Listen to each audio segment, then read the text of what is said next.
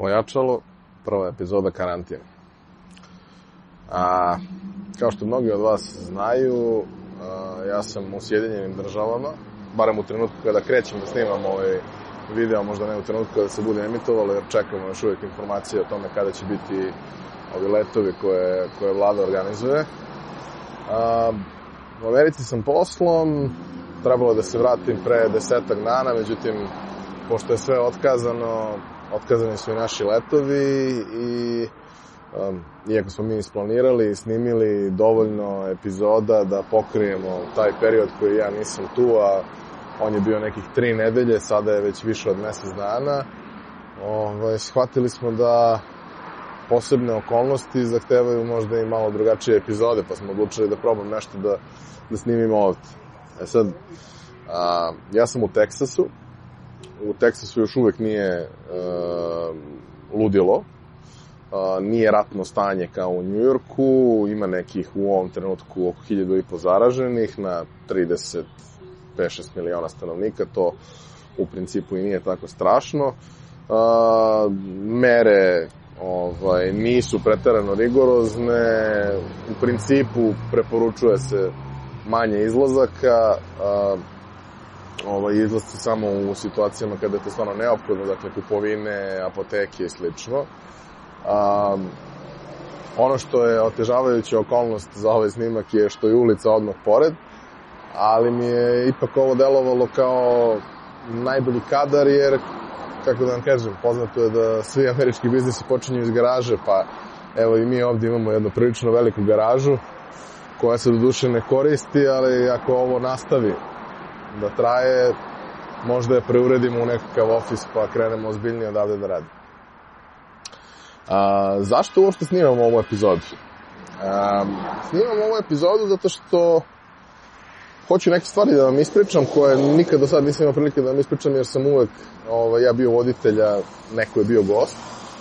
A, I zato što je ovo vreme koje zahteva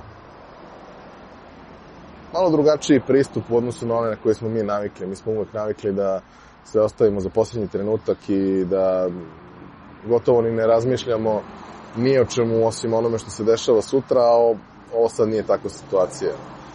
Zašto to kažem? Um, nekako verujem da u kriznim situacijama komunikacija je najvažnija stvar. E sad, svi smo mi negde potvrdili sebi u prethodnih nekoliko nedelja da mnoge stvari za koje smo verovali da ne mogu da se rade na daljinu, da ne mogu da se rade od kuće, da ne mogu da se rade remote, zapravo mogu da se rade remote kad ne postoji nijedna druga opcija. I mi smo se reorganizovali tako kao kancelarija i dosta stvari radimo. Uh, imamo svoje alate za komunikaciju koji se koriste, koje smo mi realno koristili i dok smo radili zajedno u kancelariji, dosta stvari se prosto završavalo kroz kroz Slack, kroz mail, jer je to prosto bio način ovaj, na koji svi mogu da isprate šta se dešava i kasnije imamo negde, da kažeš, pretražive informacije, pa ako nismo sigurni kako šta i ako nismo sigurni šta se za šta koristi, prosto relativno lako možemo to da nađemo. E sad, a, kao što mnogi od vas znaju, ja vodim nekoliko biznesa. U nekim od njih sam da kažem, čovek koji operativno vodi sve, u raznima sam partner, zadužen sam za neki deo priče, recimo za marketing ili nešto slično. I dobar deo tih biznisa, odnosno gotovo svi, su u jako velikoj krizi. A, u, neko je na samom početku svega ovoga iskomentarisao, sećam se, i to mi je negde bila negde misao kojom sam hteo da, da, da započnemo danas ovu priču. Um, pa kakav je to biznis ako ne može da pregrmi dva meseca problema, kao to, to u stvari nije biznis, to je samo šal. I uh, to ima smisla. Dakle, to je tačno. Ako posluješ u zemlji u kojoj su tržišni uslovi takvi da zaista sve funkcioniše, zaista sve funkcioniše na vreme. Ako funkcionišeš u zemlji u kojoj je potpuno normalno da te najveći kupci uh, mesecima zavlače za novac i da kada ti plate, tebi više taj novac ništa i ne znači, kada se svako malo ovaj, jeli, neprijatno iznenadiš nekom novom informacijom, to baš i nije tako. To baš i nije tako kada ne možeš da nabaviš sirovine, kada ne možeš od banaka da dobiješ uh, neki iole normalni i povoljne uslove finansiranja da, da, da, da prosto možeš da rasteš na pravi način, kada sve to moraš da radiš iz poslovanja, kada svaki, svaka sredstva koja ti trebaju faktički moraš da zaradiš na terenu, to je problem. I to onda znači da ti neki biznisi koje bi možda u nekim normalnim okruženjima postali samoodrživi već posle godinu ili dve, ovde će im trebati tri ili pet, a to je dosta vremena.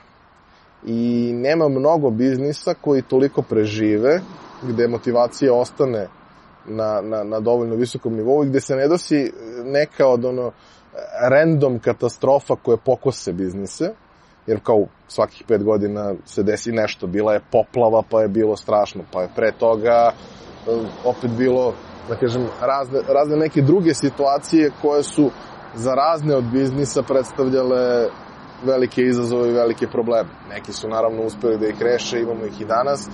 Neki nisu da uspeli da ih reše, neki su sada u toj situaciji da su na prekretnici, a najveći problem svega ovoga je što zapravo niko od nas ne zna koliko će to trajati. Sad u trenutku kada ja ovo snimam, mi nemamo još uvek zvanične mere vlade povodom svega ovoga. Ovaj, imaćemo ih za nekoliko dana, odnosno u trenutku kada vi budete gledali epizodu, već ćemo znati kakva je situacija i verujem da će one biti primerene i biti po ugledu na, na neke druge zemlje koje su već, da kažem, to iskomunicirale ka svojoj privredi, pa se možda malo lakše diše, ali je svejedno strašno.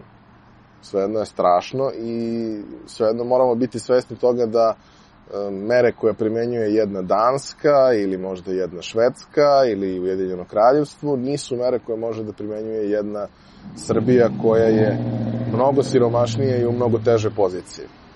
Tako da, verujem da u, u, u, u trenucima ovakvih kriza, a nadam se da ih neće biti baš još mnogo u, u životu, ali u trenucima ovakvih, a i manjih kriza, najvažnija je komunikacija.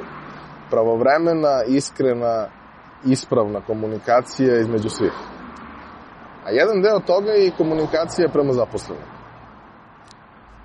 Ja sam pre nekoliko dana imao veoma važan digitalni razgovor, pošto nisam to mogao da uradim ovaj, uživo, kao što se trudim da radim takve stvari, jer mislim da a, sve, svi drugi kanali ne mogu na pravi način da, da prenesu emociju.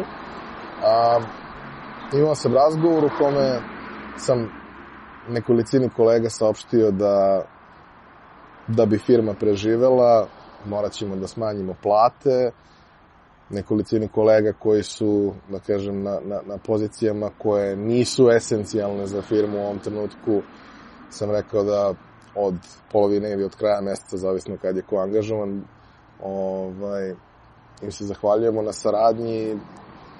To je jako teško. To je jako teško i to niko ne želi da radi. Mislim, ima nas raznih, ali ja sam firmu formirao tako što sam zaposlio ljude sa kojima zaista želim da radim. Ljude koje sam vrlo pažljivo birao, većinu njih moje prijatelje koje prosto, kako sam ja to objasnio jednom kolegi kada me je pitao zašto ti hoćeš mene da zaposliš kad ja ne znam ništa od onoga što tebi treba, e, ja ću te naučiti to što meni treba, ali ja ne mogu te vaspitati. Ali tebi i ne mora. Tebe su vaspitali kako treba i ja znam da s tobom mogu da funkcionišem.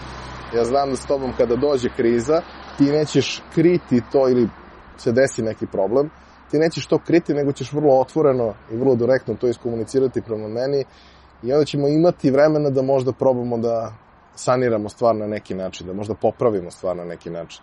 Da li će to da bude idealno? Pa gotovo sigurno neće.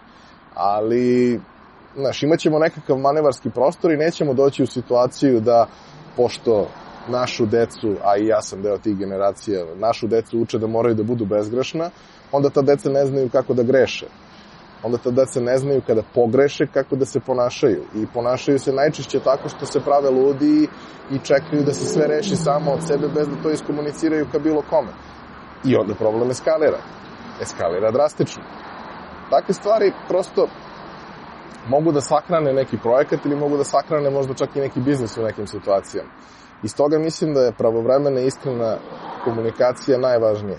I da ako je ona zaista ispravna i iskrena, bit će razumevanja sa svih strana. Ja sam naišao na razumevanje sa svim kolegama sa kojima sam pričao, jer prosto svima je jasno kakva je situacija. Nema zavlačenja, ni taj, da kažem, deo biznisa se bavi uh, online marketingom, produkcijom sadržaja, imamo nekoliko jako dragih klijenata sa kojima radimo, imamo nekoliko klijenata sa kojima radimo po projektu i prosto većina njih su u prethodnih mesec dana rekli da pauziraju ili kratkoročno ili pauziraju trajno neke aktivnosti, jer prosto čak i kada se, da kažemo, obnovi redovno poslovanje, to i dalje neće funkcionisati na, na onom nivou na kom je bilo i treba će vremena da se sanira šteta koja se desila već za ovih mesec dana, a pitanje je naravno koliko će, koliko će sve trajati nadalje.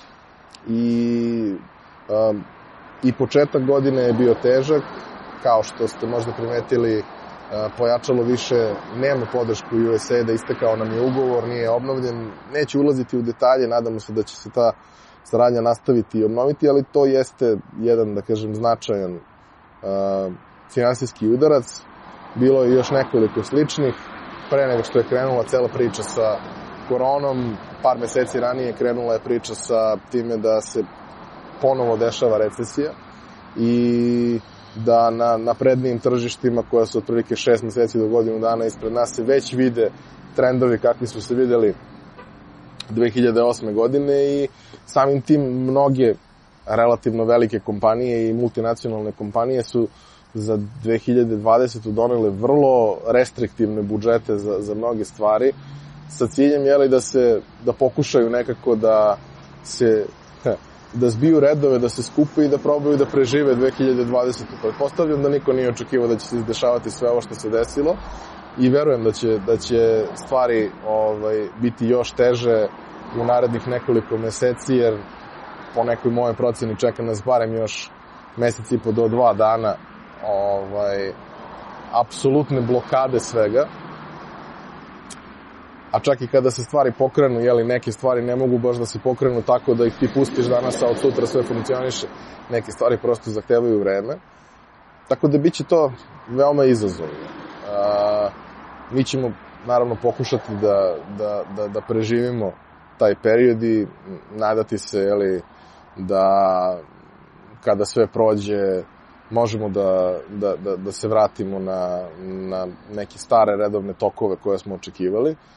Ali ono što bih voleo jeli, da sugerišem svim kolegama je da pokušaju koliko god je to moguće i e, koliko god uspeju sebe da pobede u tome, jer mislim da je to najveća zapravo, najveći izazov, da probaju, naročito ako su još uvek mali, još uvek imaju, još uvek znaju imena i prezimena svih svojih zaposlenih, ili makar imena, da probaju otvoreno da komuniciraju ka njima situaciju, jer uh, ljudi treba da znaju barem onoliko koliko mogu šta ih čeka, ljudi treba da znaju na što mogu da računaju, ljudi treba da znaju do koje granice ste vi e, njihova bezrezervna podrška, od koje granice vi to prosto ne možete da budete, to nije sramota, to nije ništa ružno, to je prosto tako. E, nije lako nikome, situacija je veoma izazovna, za neke biznise, verujem da će biti fatalna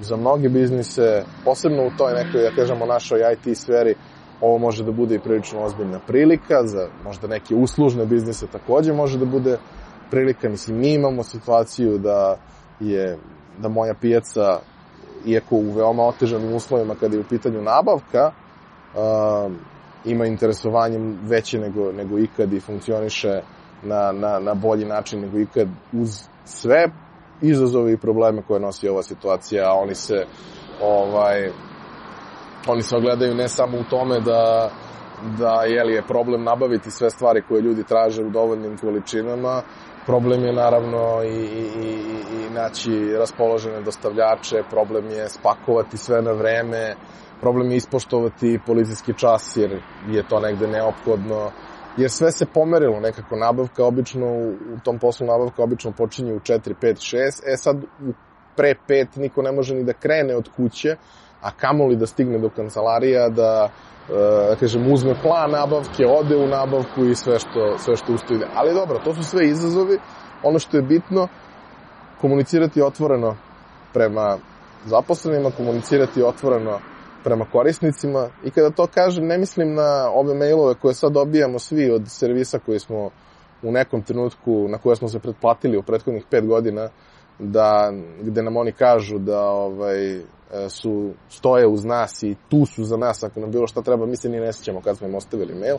Mislim na realnu komunikaciju prema realnim korisnicima, oni koji, nas, koji stvarno koriste vaš servis ili vaše usluge, prosto dajte im sve informacije koje su potrebne. Oni treba da znaju stvari, uh, oni treba da znaju kako funkcioniše biznis koji im je važan deo života, oni treba da znaju izazove sa kojima se susrećete, jer ako ih znaju možda oko nekih od njih i mogu da vam pomognu. Imao sam skoro razgovor sa kolegom koji, koji kaže da recimo situacija kod uh, njegove supruge koja je lekar je vrlo loša jer oni u tom trenutku, sada verovatno je to bolje, ali u tom trenutku kada smo pričali, nemaju ni zaštitne maske, ni vizire, ni ništa. A jeste rekli nekom, pa kome, pa šta pa, recite nekome, recite, nek ljudi podele. Toliko se uh, volontera uključilo u priču proizvodnje vizira na 3D štampačima, toliko štampara se uključilo oko svega toga. Pa ljudi, nekoliko desetina vizira i nekoliko desetina maski će se obezbediti, nije to toliki problem. Ali mora da se kaže, jer u, u, u vremenu haosa i panike ljudi neće razmišljati o tome. Zašto bi razmišljati? Oni imaju, kažemo, druge prioritete u životu. U vreme kada uh, svi ćute, onaj koji kaže je prioritet. U vreme kada svi pričaju, pa, Znaš, onda možemo da pričamo o tome da imaš razne informacije pa ćeš ti sam u svojoj glavi da poslužiš neke prioritete. Ali ako neko ćuti i čeka da bude primećen u vreme panike i haosa, neće se desiti. Neće se desiti da se neko tek tako seti. Možda i hoće, daj Bože, ali nije to baš nešto na što se, na što se treba oslanjati, čini mi se.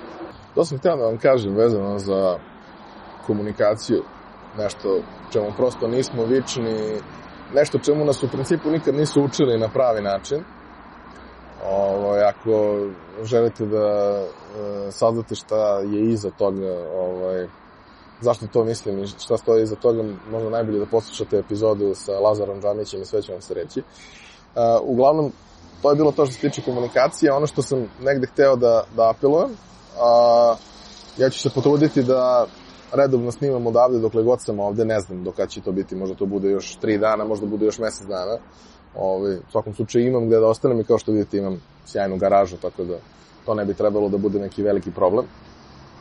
Ovaj, ono što sam negdje hteo da vam, da vam e, sugerišem je da možda Amerikanci u Teksasu imaju veoma bučne automobile. Ono što sam negdje hteo da vam sugerišem je da možda u narednom periodu ukoliko to želite. A, iskoristite mogućnost da pišete na info.pojačalo.rs i ispričate nam možda svoju priču negde, možda zatražite neki savet, a, zato što mislim da je možda najkorisnija stvar koju mogu da uradim u, u ovom trenutku, osim snimanja intervjua kroz internet, što iskreno pokušavam da izbjegnem iz razloga što kvalitet prosto tog zvučnog zapisa neće biti sjajan i to će biti vrlo teško za slušanje, ja ne želim da bilo koga dovodim u situaciju da je prinuđen da sluša nešto što ne zvuči kako treba. Ovaj, iskoristite priliku, pišite nam, pišite nam vaše slučajeve, pa hajde da probamo na neki način da zajedno analiziramo situaciju i vidimo neke mogućnosti šta i kako da se uradi, da se ove nedaće preguraju ovo primarno kažem malim, da kažem, preduzetnicima koji su naša najveća publika. Možda za svakog od njih postoji nekakav modalitet kako da ovo prežive sa što manje posledica. Toliko za prvo javljanje iz Teksasa. Kao što vidite, danas je onako malo ovaj, tmuran dan, pa može da se sedi ovde, inače je pakao, pa ovaj, pitanje da li će i u narednim epizodama kadra da bude baš ovaj, garaža, ali hteo sam da vam pokažem da imamo garažu, mislim da je to jako važno. I hteo sam da vam pokažem da smo svi okay, da prosto tu smo gde smo, nemamo baš neke opcije za povratak osim tih pomenutih letova koje je vlada najavila da će organizovati u nekom trenutku. Na spisku smo ljudi koji ovaj, su zainteresovani za te letove, pa čekamo da vidimo šta će da se desi. Nemamo koronu, ne bojimo se korone u smislu da ovaj, je to sad nešto strašno, ali se pazimo i trudimo se da vodimo računa maksimalno, jer prosto nije u pitanju bezazlana stvar, a uvek je mnogo veći problem to šta možemo da, da, da nanesemo drugima i šta možemo da prenesemo drugima od stanja u kome se kome ćemo se sami možda naći. Mi smo ljudi koji imaju 30 godina, u principu nismo pretarano rizični u ovoj celoj situaciji. Imamo međunarodno zdravstveno osiguranje, uz, verovatno smo u gradu sa možda najboljim zdravstvenim sistemom i državi, ali pre svega gradu sa najboljim zdravstvenim sistemom u Americi, tako da čak i da dođe do nekih komplikacija imamo, da kažem, sve uslove da, da ih prebrodimo bez većih posledica i to je to.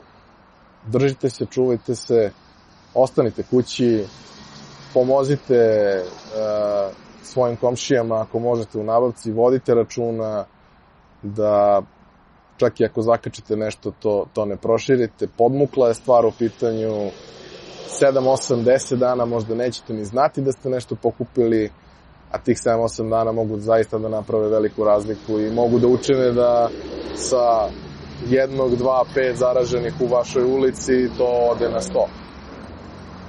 Budite odgovorni i nemojte to da dozvolite. A mi ćemo se potruditi da vam učinimo ovaj period ovaj, izolacije relativno interesantnim, makar jednom nedeljno koliko, koliko pojačalo ide. Hvala vam na pažnji, čim prođe celo ovo ludilo nastavljamo sa redovnim emitovanjem, a do tad idemo sa vanrednim pa dok stignemo.